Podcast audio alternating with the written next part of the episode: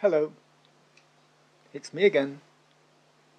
And let me tell you about my sister, Joyce. She's my oldest sister. She's small, rotund, and usually very busy. Joyce was a long-term missionary in Africa. She's the backbone of her local little church a very faithful praying person, and recently admitted into hospital in England. See, both her eyelids had started to shut down, so she couldn't see anything, and she lifted her eyes like that. Bit horrible, really, but anyway. Uh, and then she started, her voice started to slur, like this, slurring. She had difficulty swallowing, and then she began to have trouble actually breathing. Apparently, all the muscles in her body were just not bothering to work anymore. She was shutting down. If her stepson and stepdaughter hadn't just coincidentally visited her and taken her to the emergency room, she would be dead by now. Happily, she isn't. So, Hospital was a, was a good place for treatment and uh, observation, but really not a very nice place to be. You see, Joyce was woken up every two hours, day and night, for observation and treatment or whatever.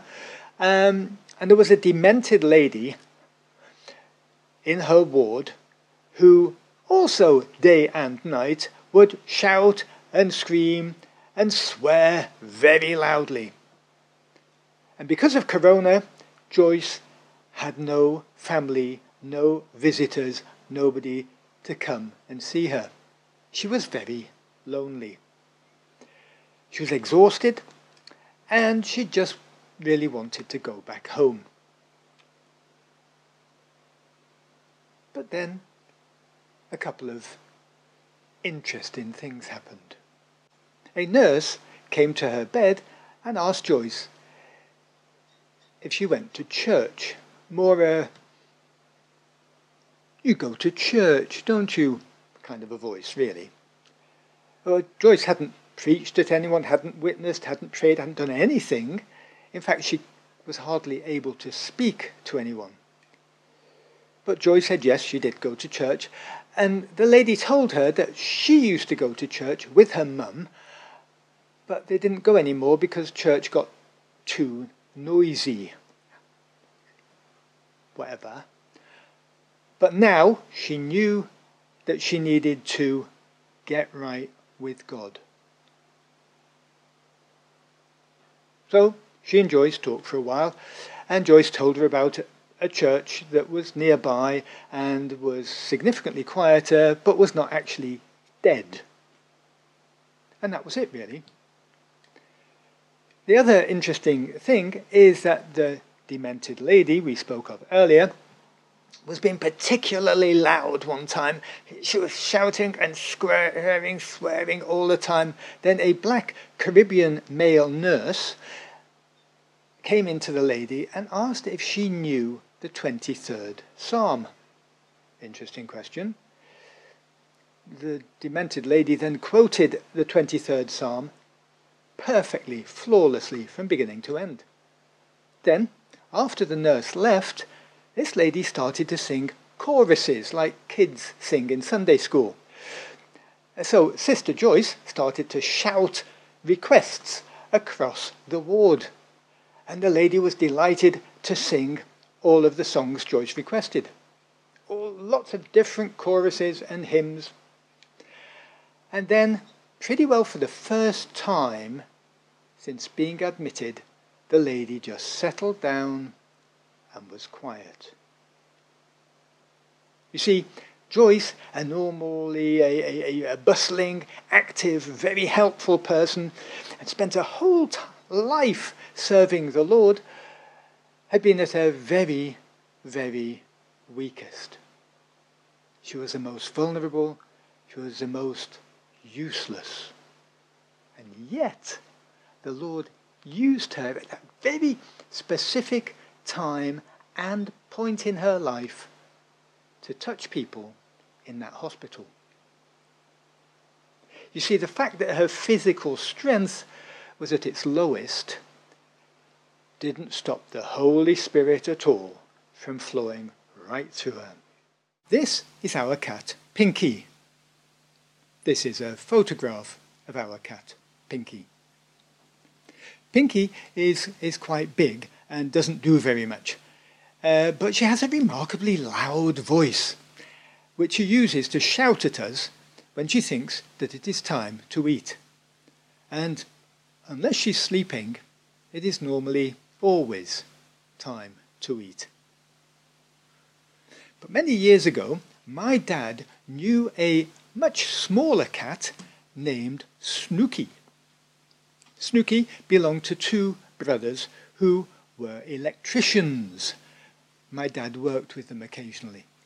And their job was to put electrical wires into old buildings, old houses, long before plastic tubes and clever things were invented. And the house wiring often involved having to pass an electrical cable through a hole in the floor up to the other end of the room or into the next room and up out through another hole in the floor. Well, that was really difficult if you were a human and didn't have very long, thin, bendy arms about four meters long. And in those days, not many people had arms like that. But Snooky was a cat. Ha ha ha! Not a human. So one of the electricians would tie a long piece of fishing line to Snooky's collar and the other end he would tie to an electric cable. then he would carefully put Snooky down through the hole in the floorboards, while the other electrician would be at the other end of the room by the hole where the cable needed to come out.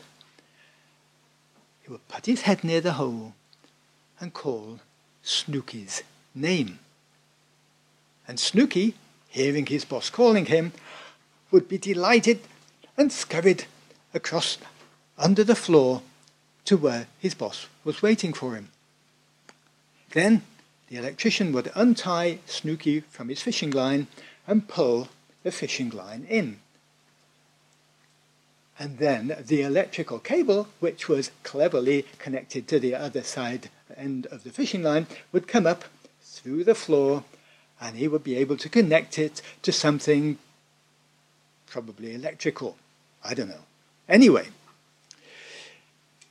you see, Snooky hadn't studied to be an electrician. He didn't even need to know how the electrical system in the house worked. He didn't need to be clever. He didn't need to be strong. He didn't need to be super cat. All he needed to do was to listen for his boss's voice. And then when he heard it, he needed to run towards it when his boss called his name. Yes. You see, Snooky could do something that not many humans could do because he was remarkably small. And he loved his boss, and he would run to him whenever his boss called his name. Let's read Matthew 25, 31, 46. Now let me tell you about the early church. The early church was very much an underground movement.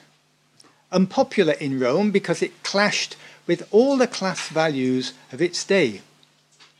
They preached that everybody is created in God's image Slaves had equality in God's eyes.